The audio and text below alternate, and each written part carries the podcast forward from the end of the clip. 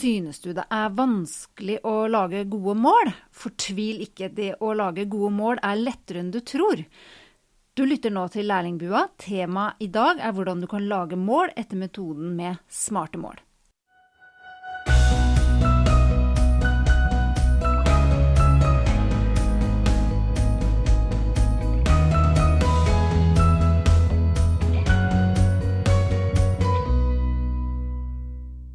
Velkommen til denne episoden av Lærlingbua.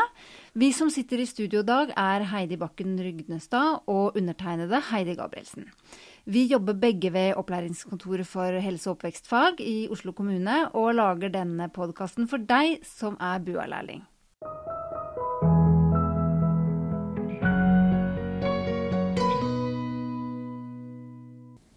Mange lærlinger de sier til oss åh, det er så vanskelig å lage gode mål.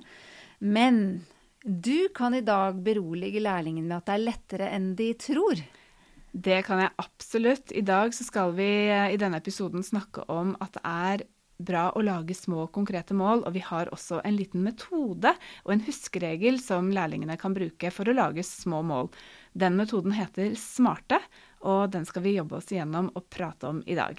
Åh, dette høres bra ut. Eh, kan du fortelle litt hvordan denne smarte metoden kan eh, brukes? Ja, smarte er jo en, eh, en, sjekkliste, en slags sjekkliste som man kan bruke når man skal lage mål, der hver bokstav i smarte representerer et ord du kan bruke i denne huskeregelen når du skal lage gode mål. Da foreslår jeg at vi begynner med S eh, i smarte. S det står for spesifikt. Skal jeg fortsette? M står for målbart. A det står for attraktivt. Og R-en står for realistisk. T-en står for at det skal være tidsbestemt. Og E er at det hele skal være evaluerbart.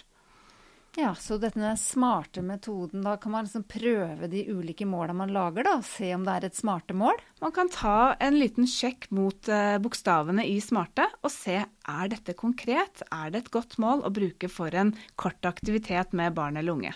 Så det vi skal gjøre i dag, det vi skal gjøre nå, mm. det er å ta og lage et mål, og så tester vi med smarte. Kan du gi et eksempel på et mål vi kan bruke? Et konkret og et smart mål, det er eh, barna skal lære å klippe med saks. Ja. ja. Så er det spesifikt og konkret? Ja, det vil jeg absolutt si. Eh, det er både spesifikt i forhold til at det handler om saks, det handler om å klippe, en veldig konkret ferdighet. Og så sier også målet noe om at barna skal lære. Ikke bare at de skal øve, få kunnskap om, få trene seg på, men at de skal lære. Så ja, dette syns jeg er et spesifikt mål. Men er det M, målbart?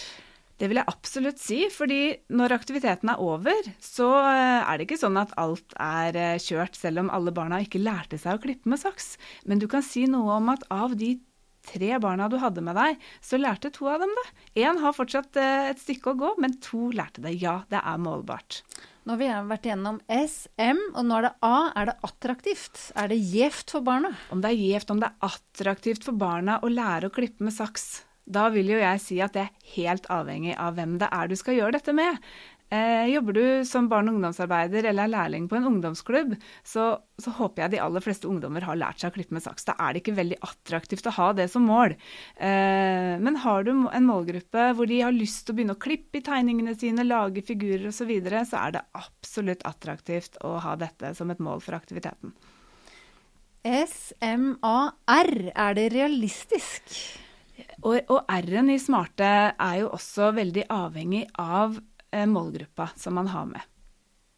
Og hvis du jobber i en barnehage på småbarnsavdeling med ettåringer, så er det kanskje ikke så realistisk at de skal eh, bruke finmotorikken sin til å lære seg å klippe med saks. Så eh, igjen avhengig av målgruppa. Ja. Eh, T. Tidsbestemt.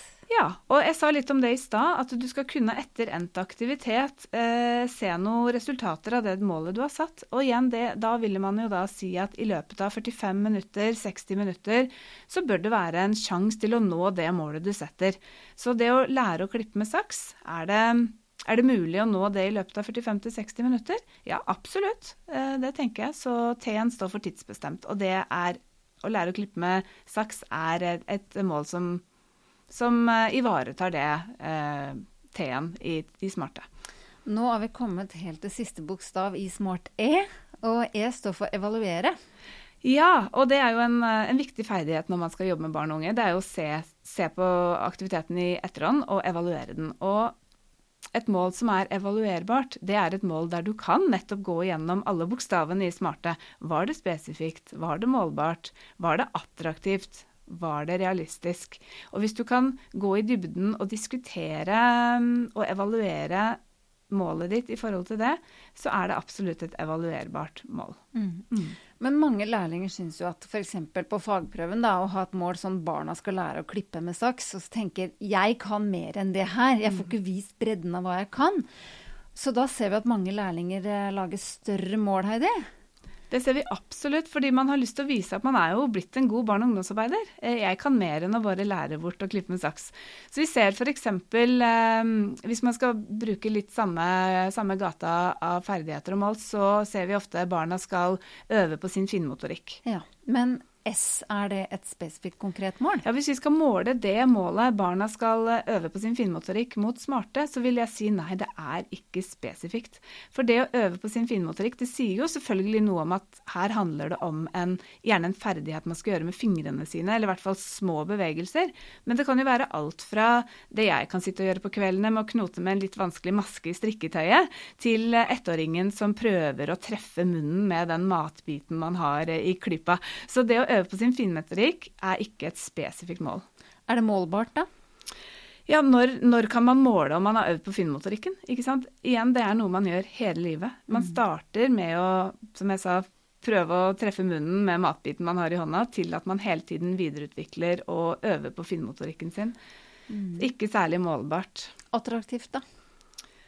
Det er jeg syns det er for ullent til å si noe om det er attraktivt eller ikke. Eh, hva mer enn å øve på finmotorikken skal man gjøre, ville jeg spurt. Eh, så man, nei, man kan ikke måle det målet mot smarte, eh, A-en i smarte. Eh, er det realistisk? Det vil jeg nesten gjenta det svaret jeg ga på attraktivt. Eh, så lenge man ikke har det mer konkret, så er det helt vanskelig å si om det er attraktivt eller ikke. Så det vi gjør nå, er å se på målet dette med å barna skal øve på sin finmotorikk. Og nå har vi kommet til bokstaven SMAR.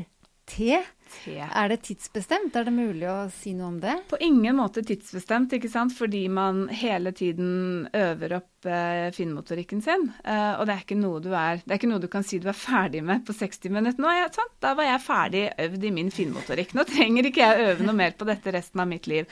Det kan man ikke si. Så nei, det er heller ikke tidsbestemt et sånt mål. Og hvis jeg skal gjette da, er det evaluerbart? Jeg syns ikke det. Eh, hvis man eh, greier å peke litt på eventuelle endringer og, og, målbare endringer som har skjedd i løpet av aktiviteten, ja. Men målet i seg selv er ikke evaluerbart. Så vår erfaring er jo ofte at eh, når evalueringen kommer, da, så sier de at nei, målet var ikke konkret og spesifikt nok. Mm. Det er ofte det man ender med. Men Heidi, hvis vi skal oppsummere kort. Uh, smarte mål-metodikken, hva er det viktigste å huske på? Det viktigste er å huske at det er helt OK å lage små, konkrete mål hvor du kan si noe på hvert, hver enkelt bokstav i smarte-metoden. Og um, ikke vær redd for å lage for, for, lite og konkret mål, fordi når du skal f.eks. levere fagprøven eller øve deg på den og lage mål for aktivitet, så er det i de faglige begrunnelsene, når du begrunner hvorfor du har valgt at disse fireåringene skal lære seg å klippe med saks. Det er der du kan vise at du kan faget, at du vet at det er et godt mål for denne målgruppa, f.eks., og at du får eh, vist hva du har lært og hva du kan og har lyst til å tilføre barna i løpet av denne aktiviteten. Så selv om målet er konkret, så trenger ikke de faglige begrunnelsene å være små og tynne. Mm. Så da er vår heiasetning til deg som sitter og skal lage mål, små mål er bra mål. Begrunnelsen kan være lang.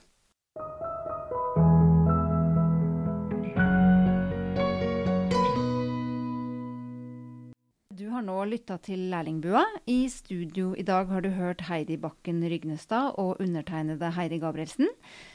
Du finner støttemateriell til episoden i OLK, og har du spørsmål til oss eller ideer til nye episoder, så tar du kontakt.